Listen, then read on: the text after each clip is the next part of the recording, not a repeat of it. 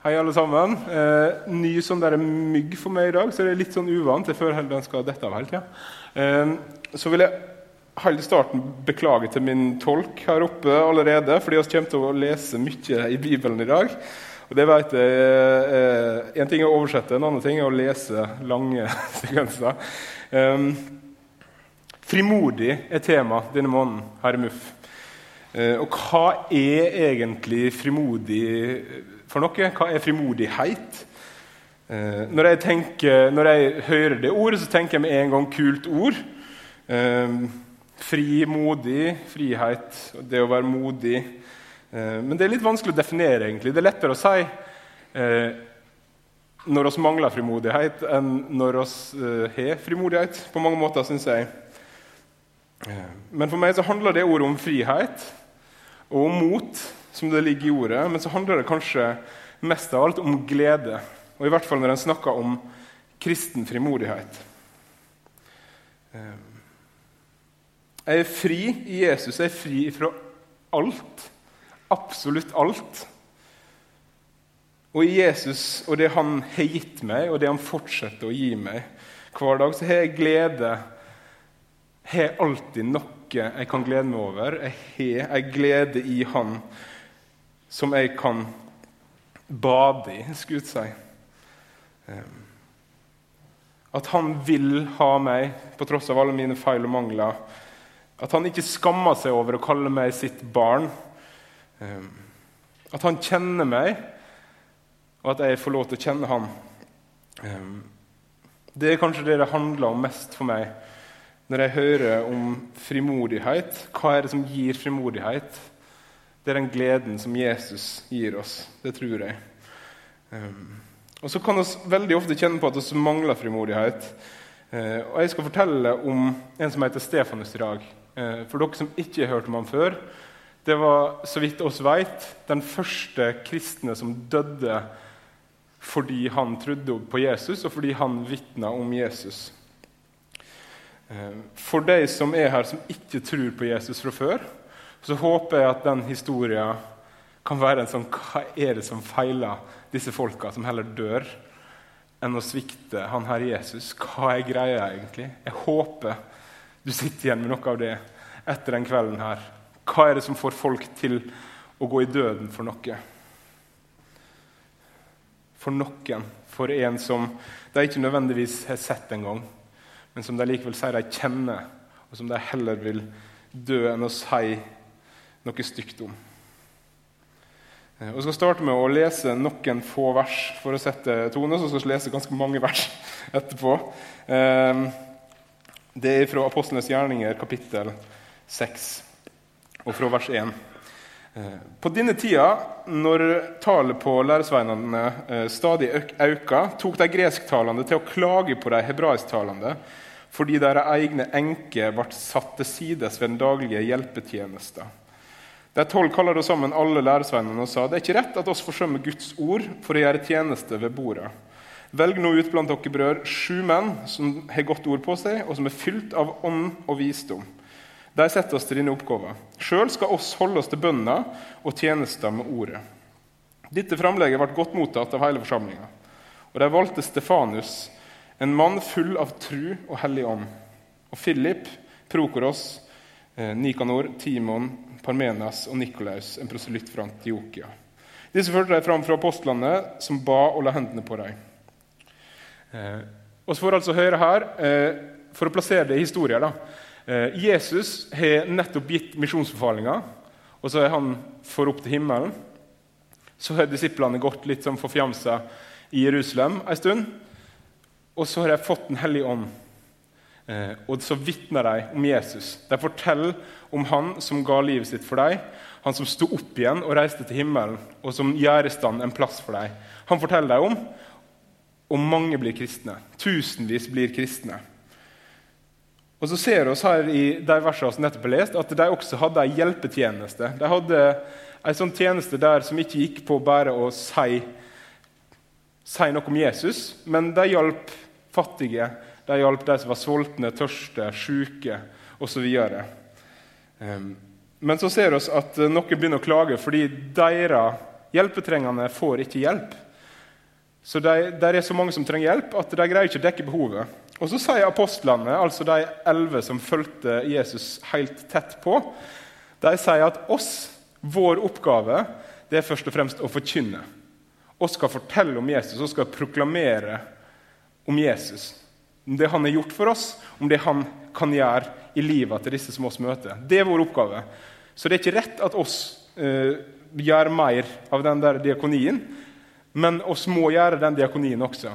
Så da velger de seg ut noen menn som skal være liksom sjefsdiakon. Sånn eh, jeg vet ikke, hjelpepleier, eller hva en skal kalle det, i, i Jerusalem. Og sjefen blant dem, eh, eller en av sjefene blant dem, det er Stefanus.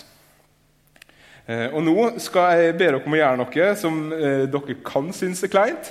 Det trenger ikke å bli kleint. Oppfordrer dere til å ikke synes det er kleint. Nå skal vi lese hele fortellinga om Stefanus. Og Jeg ønsker at dere skal ha igjen øynene deres, at dere skal se for dere at dere er der og ser og hører alt dette first hand. At dere er der. Og så er Jerusalem ca. år 35-40 etter Kristus. Eh, der er ikke så masse leger, det er ikke så mange eh, Røde Kors-ansatte ute og går. Så de kristne er liksom de som driver med diakonalt arbeid. Og så er det Stefanus også får lov til å følge på jobb. da. Så jeg vil dere ha igjen øynene deres. Hvis dere sovner, så er det helt ok. Hvis han ved siden av deg sovner når vi er ferdig, så kan du bare dulte borti han. Så er vi i gang igjen. Så ha igjen øynene deres og prøv å leve dere inn i denne fortellinga. Skal lese om Stefanus. Stefanus var full av nåde og kraft og gjorde store under og tegn mellom folket. Da sto det fram noen fra synagogen som ble kalt synagogen for frigjevne og for krenere og aleksandrinere. Sammen med jøder fra Kil, eh, Kilkia og Asia ga de seg i ordskifte med Stefanus. De diskuterte med han. Men de kunne ikke stå seg mot den visdom og den ånd som han taler med. Da fikk de i hemmelighet lokka noen menn til å si Også hørte han si spottende ord mot Moses og mot Gud. På den måten egga de opp folket og de eldste og de skriftlærde. Og de gikk mot han, greip han og drog han med seg inn for rådet med stor R. Der førte de fram falske vitner som sa denne mannen holder ikke opp med å tale om denne hellige plassen og mot loven. Og så hørte han si at denne Jesus fra Nasaret skal rive ned helligdommen og endre de skikkene som også er fått overlevert fra Moses. Da festet de øyet på han, alle som satt i rådet. Og de så at ansiktet hans var som et engleansikt. Øverstepresten spurte er det sant dette. Stefanus svarte, 'Brødre og fedre, hør på meg.' Herligdommens Gud viste seg for Abraham, faren vår, mens han var i Mesopotamia, før han slo seg ned i Haran og sa til han, 'Dra bort fra landet ditt og fra slekta di til det landet som jeg skal vise deg.' Da drog han fra Kaldelandet og bosatte seg i Haran, og etter at far hans var død, lot Gud ham flytte derifra til dette landet, der dere nå bor. Gud ga han ikke noe jord til eie der, ikke så mye som en fotbredd, men han lova å gi han og etter hans landet i eie, enda han ikke hadde barn. Og Gud sa til han at etter hans skulle bo som innflyttere i et fremmed land, der de skulle være slaver og bli plaga i 400 år. Men det folket de skal være slaver for, vil jeg dømme, sa Gud. Og så skal de dra ut og tjene meg på dette stedet. Og Gud ga han omskjæringspakta. Så fikk han sønnen Isak og omskar han den åttende dagen. Det samme gjorde Isak med Jakob og Jakob med de tolv stamfedrene. Fedrene ble misunnelige på Josef og solgte han til Egypt. Men Gud var med han og berga han ut av all nød. Han ga ham visdom og lot han vinne godvilje hos farao og egypterkongen. Og kongen satte han til å styre Egypt og hele sitt hus. Så ble det uår i hele Egypt og Kanaan, og nøden var stor. Fedrene våre fikk ikke tak i mat. Men Jakob hørte at det var korn i Egypt, og han sendte fedrene våre dit første gangen. Andre gangen de kom, ga Josef seg til kjenne for brødrene sine, og farao fikk vite om slekta hans. Da sendte Josef bud og kalte til seg Jakob, faren sin, og hele slekta, 75 personer. Så reiste Jakob ned til Egypt, og der enda han sine dager, både han og fedrene våre. De ble ført til Sikhem og lagd i den grava som Abraham hadde kjøpt for sølv av sønnene til Hamor i Sikhem. Etter hvert som det lei fram mot den tida da Gud skulle sette i verk det han hadde lova Abraham, vokste folket og var talrikt i Egypt. Det sto fram en ny konge i Egypt, en som ikke visste om Josef. Han for fram med list mot folket vårt. Han var hard med fedrene våre og tvinga dem til å sette ut spedbarna sine, så de ikke skulle få leve opp. På den tida ble Moses født. Han var et vakkert barn i Guds øyne. I tre måneder ble han fostra i huset til far sin. Så ble han satt ut. Men datter til farao tok han opp og fostra han som sin egen sønn. Slik fikk Moses opplæring i all egyptisk visdom. Han var full av kraft, både i ord og gjerning. Da han hadde fylt 40 år, fikk han lyst til å se hvordan det gikk med landsmennene sine, israelsfolket. Hvor han så en som leid urett, kom han mannen til hjelp. Han slo egypterne i hjel, så den mishandla fikk sin rett. Han trodde at landsmennene hans kom til å skjønne at Gud ville bruke han til å berge dem, men de skjønner det ikke. Dagen etter kom han over to menn som sloss, og han prøvde å forlike dem og sa dere er noen brødre. Hvorfor gjør dere urett mot hverandre? Men han som hadde gjort urett mot landsmannen sin, skubba han til side og sa hvem satt det til leder og dommer over oss? Tenker du å drepe meg slik du drap egypteren i går? Disse ordene fikk Moses til å rømme, og han slo seg ned som innflytter i Midian, der han fikk to sønner. Da 40 år var gått, viste en engel seg foran i ørkenen ved Sinai-fjellet i flammen fra en brennende klungerbusk. Moses så dette synet og undra seg. Da han gikk nærmere for å se etter, lydde Herrens røst. Jeg er dine fedres Gud, Abraham og Isaks og Jakobs Gud. Men Moses skalv av redsel og våga ikke se opp. Da sa Herren til han, ta skoene av føttene, for plassen du står på, er hellig grunn. Jeg har sett hvordan folket mitt blir plaga i Egypt, og jeg har hørt hvordan de klager. Jeg har steget ned for å fri dem ut. Gå nå. Jeg sender deg til Egypt. Det var denne Moses de ikke ville vite av da de sa hvem jeg satte deg til leder og dommer. Og Det var han Gud sendte til leder og bergingsmann med hjelp av engelen som viste seg foran i klyngerbusken. Moses var det som førte dem ut og gjorde under og tegn i Egypt, ved Rødehavet og i ørkenen i 40 år. Han var det som sa til israelittene Gud skal la det stå fram en profet som er mellom dere, en av dere egne brød. Da folk var samla i ørkenen, var det også han som var sammen både med fedrene våre og med engelen som talte til ham fra Sinai-fjellet. Moses tok imot levende ord som han skulle gi oss. Men fedrene våre ville ikke ly han. De viste ham fra seg, og i sitt hjerte vendte de tilbake til Egypt. Og de sa til Aron, lag guder til oss som kan gå foran oss. For oss vet ikke hva som er skjedd med denne Moses som førte oss ut fra Egypt. På den tida laga de en kalv og bar ham fram til offer bar fram offer til denne avguden og gledde seg over et verk av sine egne hender. Da vendte Gud seg fra dem og lot dem tilbe himmelhæren, som det står skrevet i profetboka. Bar dere fram for meg slakteoffer og gåve, de 40 åra i ørkenen, Israels hus.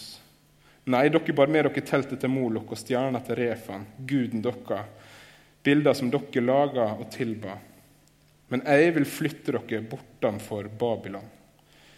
I ørkenen hadde fedrene våre vitnemålsteltet, det som Moses skulle lage etter det forbildet han fikk se, slik han som taler til Moses, hadde gitt påbud om.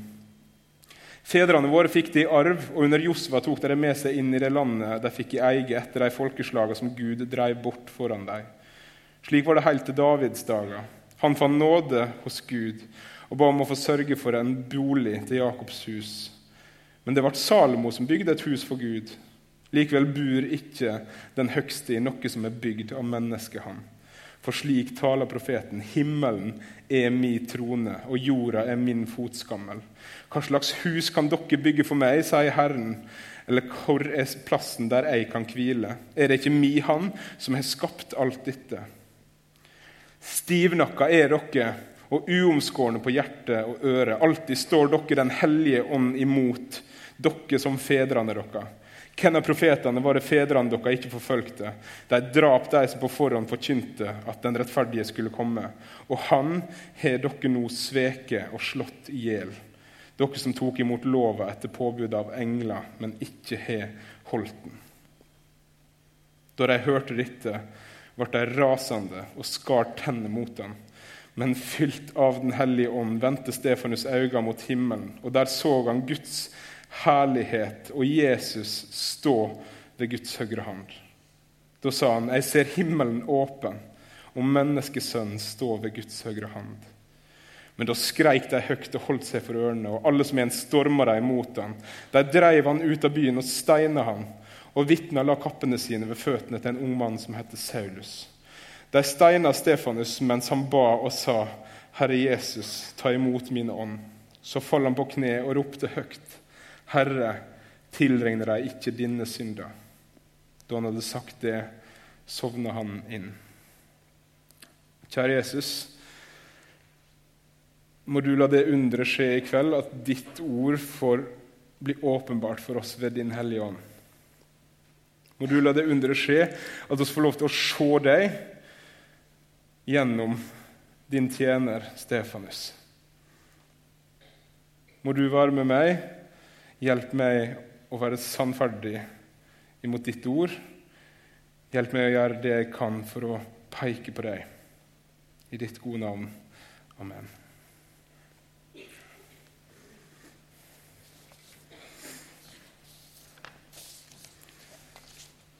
Stefanus er en helt vanlig fyr. Samtidig så er han ikke en helt vanlig fyr. Fordi hvordan er det han blir beskrevet? I disse kapitlene som også lest. I den første bolken som vi leste, den lille bolken, så blir han beskrevet som en som er full av nåde og ånd. Så blir han beskrevet som en som er full av tru, kraft, han var en som gjorde store tegn og under. Og så står det at når de i rådet ser på han, så ser de at han har et ansikt som en engel. Så han er en helt vanlig mann, men samtidig ikke en helt vanlig mann. Når jeg hører beskrivelsene av Stefanus, så tenker jeg sånn, sånn skulle jeg også ønske jeg kunne bli beskrevet. Men jeg blir nok aldri helt Sånn engleansikt, f.eks. Eh, men han var så ikke en av de som hadde som si fremste tjeneste å være ute og forkynne. Mange av dere også er sikkert sånn at dere, dere ikke først og fremst er forkynnende tjeneste. Men likevel, når han her løken, skulle si, når han her, diakonen, som skulle hjelpe. Han skulle gi mat til de som var sultne, han skulle gi vann til de som var tørste. Han skulle lytte til de som hadde noe å fortelle, han skulle be for de sjuke. Når han blir falskt anklaga og blir ført fram for de som styrer, for de som er på en måte de øverste lederne blant jødene, hva er det han gjør? Han forkynner. Han forkynner som bare juling. Han vitner, og han vitner på en sånn måte at du kan tenke, kan tenke deg hvor sure de må ha vært. De som kjente Det gamle testamentet ut og inn, og hadde på en måte, hadde klær, si, hadde kappene på seg som viste at oss er på en måte the big shots når det kommer til hvem som er autoritet på de skriftene. Oss vet, oss vet alt som er å vite om Abraham, Isak, Jakob, David. Hele den gjengen der vår bukselomme. Oss kan alt om det. Og Så kommer han fram for disse her, og så behandler han dem omtrent som om de ikke kunne en dritt. Han starta med Abraham, og så går han gjennom Israels historie. Litt etter litt etter litt. Denne ulærte mannen som ikke var noen lovlærer, som ikke engang blant de kristne var av de som hadde ansvar for forkynnelsen. Så står han framfor de som kan mest, antageligvis i hele verden, om Det gamle testamentet, og så belærer han dem om det. Her skal dere få høre hvorfor dere er idioter. Det er klart de blir provosert. De har vist før at de har makt, og at de ikke er redd for å bruke den. Forrige gang vi får høre om noen som kommer foran rådet, er det noen av disiplene som er der, Johannes og Peter, som er foran rådet, og som blir trua med dere må slutte, dere må holde kjeft om han her Jesus. Og så sier de oss kan ikke noe annet enn fortelle om det vi har sett og hørt. Og så greier de å begrense maktbruken sin den gangen til å piske dem. Gangen før der igjen så er det Jesus som står foran dette rådet og bekrefter ja, jeg er Guds sønn. Og de henger han på et kors for det. Dette er folk med stor makt. Og Stefanus er egentlig en liten dritt i møte med disse folka.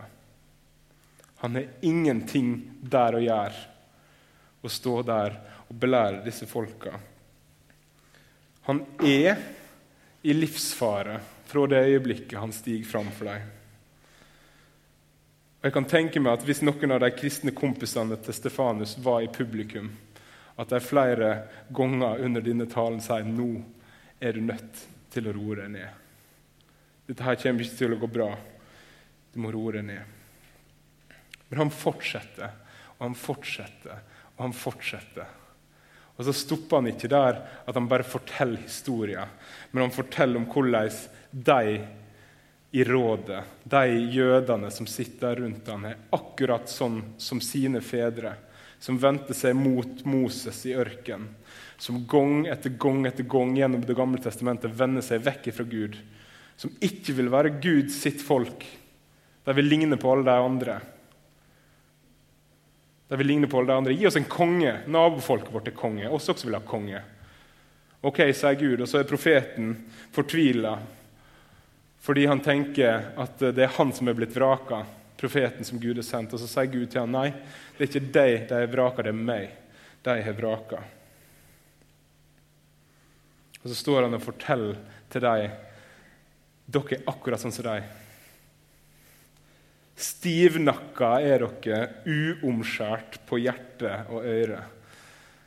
Jeg er ikke jøde, så jeg vet ikke hvor insulting det er å bli kalt uomskåren på hjerte og øre, men jeg vil tro at det er ganske høyt oppe på lista. Alltid står dere Den hellige ånd imot, gir han deg beskjed om. Alltid står dere Den hellige ånd imot. Jeg kjenner sjøl, når jeg leser det her, så tenker jeg du er nødt til å roe deg ned. Dette her kommer jo ikke til å ende godt for deg. Og til slutt, når han liksom totalt blotta for frykt Denne historien er frimodighet i et nøtteskall. Kristen frimodighet i et nøtteskall. Hva, hva, er han, hva, er det han, står der og sier? Han står der og forkynner. Han, alt det han sier, er sant. Og så kunne han stoppa der det sto i teksten at da knurrer de. Altså, du kan tenke deg når du er så sint at du blir litt som en hund. Så sint var disse folka, denne mengden. Og Der står han mutters aleine foran deg, og de knurrer. De knurrer. Da vet du at da er det på tide å snu. Hva handler kristen frimodighet om? Jeg tror det til sjuende og sist handler om å se på Jesus. Når Peter går på vannet, hva er det som får han til å synke? Han ser på bølgene rundt, og så synker han. Og så ber han Jesus redd meg. Og så redder Jesus ham. Stefanus så aldri på bølgene i denne fortellinga. Han ser ikke folkemengden sitt sinne.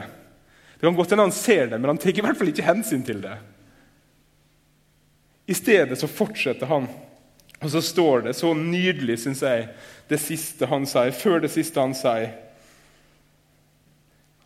Da de hørte dette, ble de rasende og skar tennene mot ham.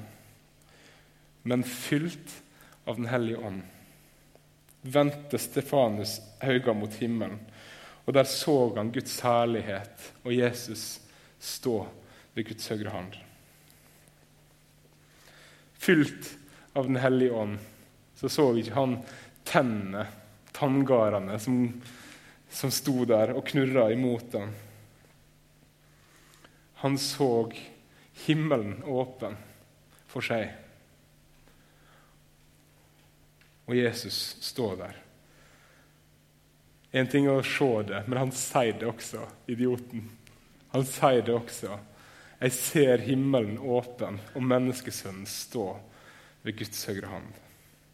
Og det blir dødsdommen hans. At han sier det siste.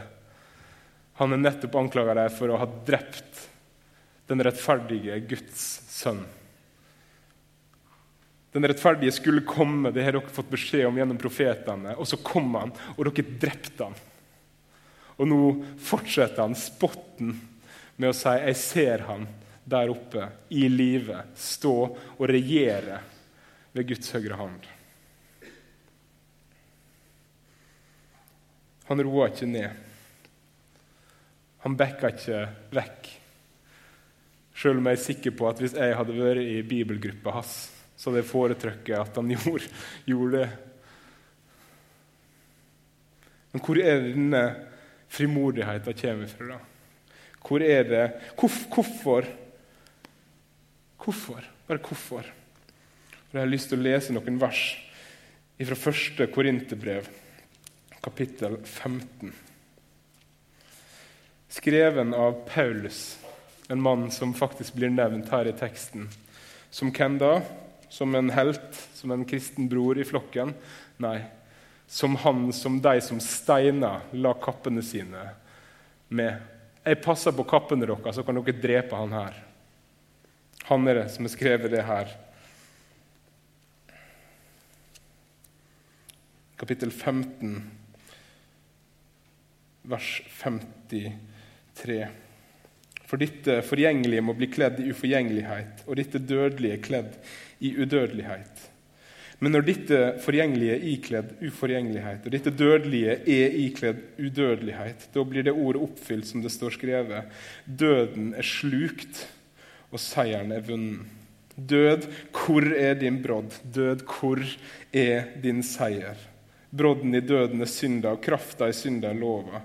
Men Gud være takk, som gir oss seier ved vår Herre Jesus Kristus. Derfor, mine kjære søsken, vær støe og urikkelige. Ta stadig del, rikelig del i Herrens gjerning, for dere vet at Herren ikke, i Herren er ikke arbeidet deres nytteløst. Hvor kommer denne frimodigheten til Stefanus ifra? Den kommer fra en seier som er vunnet. Døden er oppslukt til seier. Jeg elsker det begrepet. Det er akkurat som at når Jesus når han står opp for grava, bare ser som en frokosttallerken Der ligger han det med døden på, og så bare Døden er oppslukt. Den er ikke mer. Den har ikke noe makt mer. Den har mista si kraft. Og da er det også så nydelig det her Stefanus ser. Jesus står. Han sitter ikke sånn som vi sier når vi i trosbefalinga.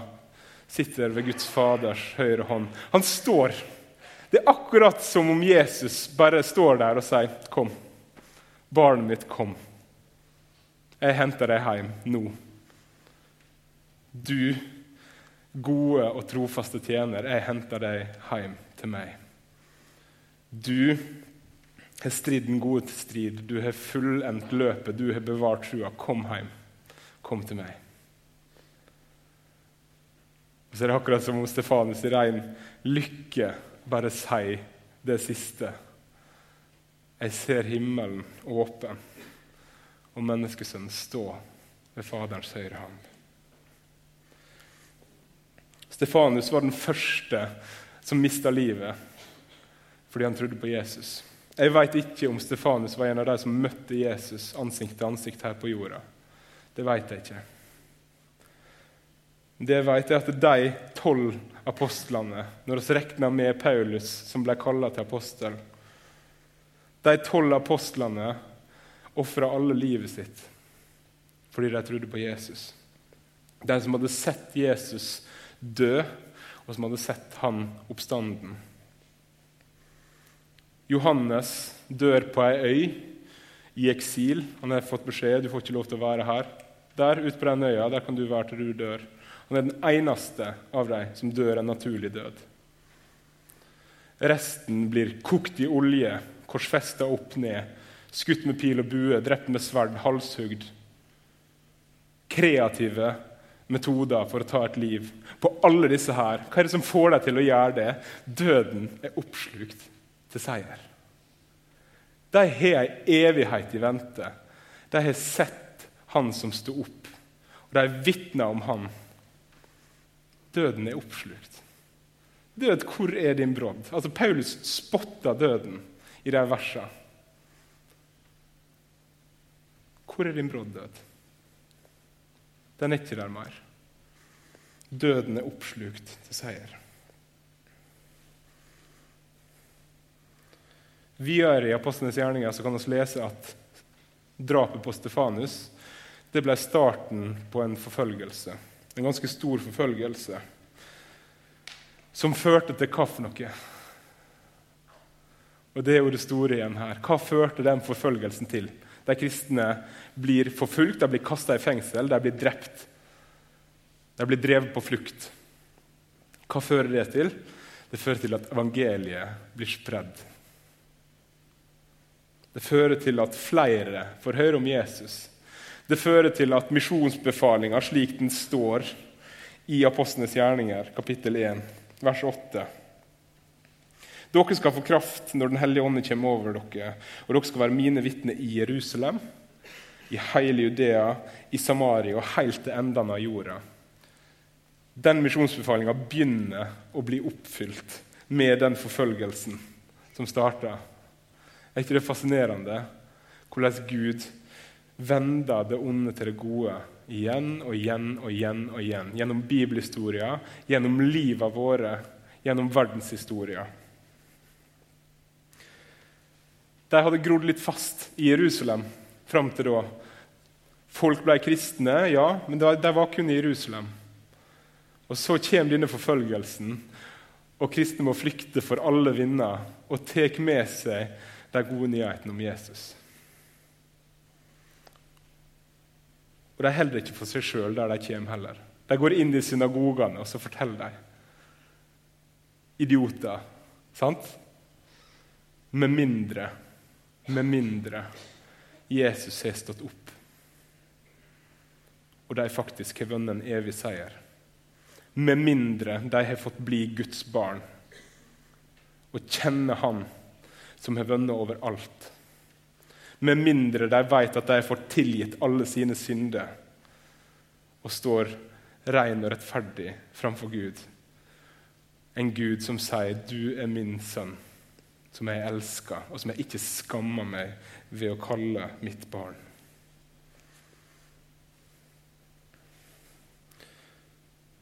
Så kan det være fristende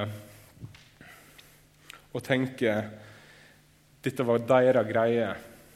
Dette var deres greie, og beundre dem for det, og så ikke la det få innvirkning på oss. Hvor er min frimodighet hen i Norge i 2017? der jeg bor i et land der oss kan møtes sånn som det her uten noen form for trussel. Der det verste oss kan møte, er noen som kaller oss stygge ting. Eller skriver en litt krass Facebook-kommentar på innlegget vårt. Hvor er min frimodighet hen? Jeg vil igjen hente litt perspektiv fra Paulus, han her som var en av de som forfølgte de kristne han hater de kristne med et vanvittig hat. Hvorfor? Fordi han mente de spotta Gud. Og så kommer Jesus og bare snur livet hans på hodet. Og så ender han opp med å være kanskje den viktigste misjonær i det første århundret, og med å ofre livet sitt fordi han tror på Jesus. Han som de la kappene sine med for å steine Stefanus, han ble steina sjøl, men overlevde ved et eller annet under slepe seg vekk med blod rennende fra åpne sår over hele seg. Og så lever han for Jesus, og så dør han for Jesus. Han skriver for meg er livet Kristus, og døden er vinning. For meg er livet Kristus, og døden er vinning. Og Det høres veldig flott og modig ut. og sånn. Men tingen er uansett om det er sånn du tenker ja, amen eller o. Oh, det er sant for deg hvis du tror på Jesus. Hvis du tror på Jesus, så er døden en vinning. Og så er det Jesus som er livet. Luther skriver i den kjente salmen sin 'Vår Gud, han er så fast en borg'. Og Nå parafraserer jeg, jeg sier ikke nøyaktig det han skriver. Han skriver 'Hvis de tar livet vårt, hva så?' Fordi mer kan de ikke få. Guds rike, det er vårt. Guds rike er vårt. Hvis de tar livet vårt Det er alt de kan få, og det er ingenting i et evighetsperspektiv. Guds rike, det er mitt når jeg tror på Jesus. Guds evige rike er mitt. Hvorfor er jeg da så lite frimodig i møte med de som jeg møter? Og her har jeg ikke noe svar. Og så er all grunn til å være frimodig. Og så er verdens beste budskap. Og så er en Gud som ikke er fjern, høg, krevende som mange av de andre. Og så er en Gud som kom nær. En Gud som blei menneske, tok på seg alt det som oss egentlig skulle bære. Døde for oss, sto opp igjen for oss. Og lever i dag og går i forbønn for oss, står det. Jesus står akkurat nå framfor Far i himmelen og snakker på våre vegne. Og så er verdens beste budskap. Og så er verdens beste far. Og det er all grunn til å være frimodig. Hvorfor var Stefanus så frimodig? Han kjente Jesus. Han kjente Jesus. Det er ingen annen grunn. Han kjente Jesus, han var full av Den hellige ånd. Full av nåde og kraft, full av tru og hellig ånd. Fordi han var Jesus sin. Han levde nært Jesus. Han kjente Guds ord. Han kjente Jesus. Han visste hvem han var, hva han var frelst ifra, hva han var frelst til. Han visste hva håp han eide. Han visste at det håpet også gjaldt de andre. Den frimodigheten kom ut av å kjenne Jesus. Hvis du kjenner at historien om Stefanus utfordrer deg som kristen, hvis du kjenner at jeg skulle så gjerne vært mer frimodig, kan ikke du ta det opp med en forbeder her i kveld? De kommer ikke til å si det til noen. Gå dit og be sammen med noen om at du må få se Jesus klarere. Og så tror jeg også det går mye på at vi må får se vårt behov for en frelser. Be om at Gud må vise dere synder deres, så dere ser hvor ufortjent Guds nåde er. Og så dere ser hvor stor den er. Og så dere igjen kan få se hva det betyr å være vaska helt rein, og være helt fri i Jesus. Så vil jeg også si til deg som ikke tror Hvis du kjenner på at din historie om denne gærningen som levde i det første århundret, og som provoserte en gjeng til å drepe seg Hvis du kjenner at når du hører om det her, så tenker du hva er greia med denne Jesus? Hva er greia med at han her var villig til å gjøre det? Gå og snakk med en forbeder, du også. Gå og snakk med dem. Jeg vil avslutte med å be.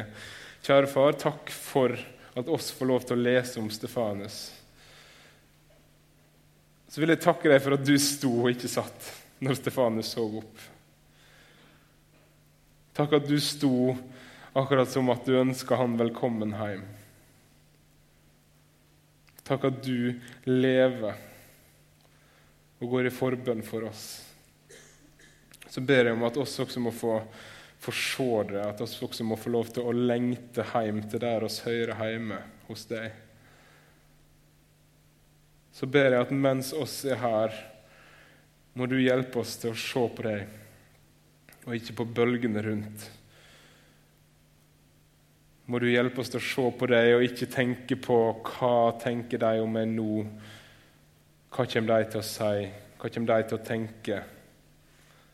Gi oss ei frimodighet og gi oss ei glede over å være frelst, som vinner over all den menneskefrykten som kan binde oss. Sett oss fri fra alt det som binder Jesus.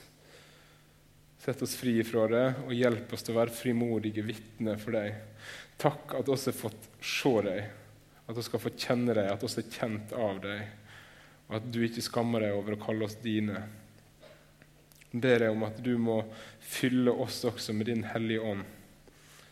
Hjelp oss så vi kan være vitner for deg, trofaste. At oss også kan si som Paulus når oss, vårt liv går mot slutten, at jeg har stridd en god strid, jeg har fullført løpet, jeg har bevart trua. I ditt navn, Jesus. Amen.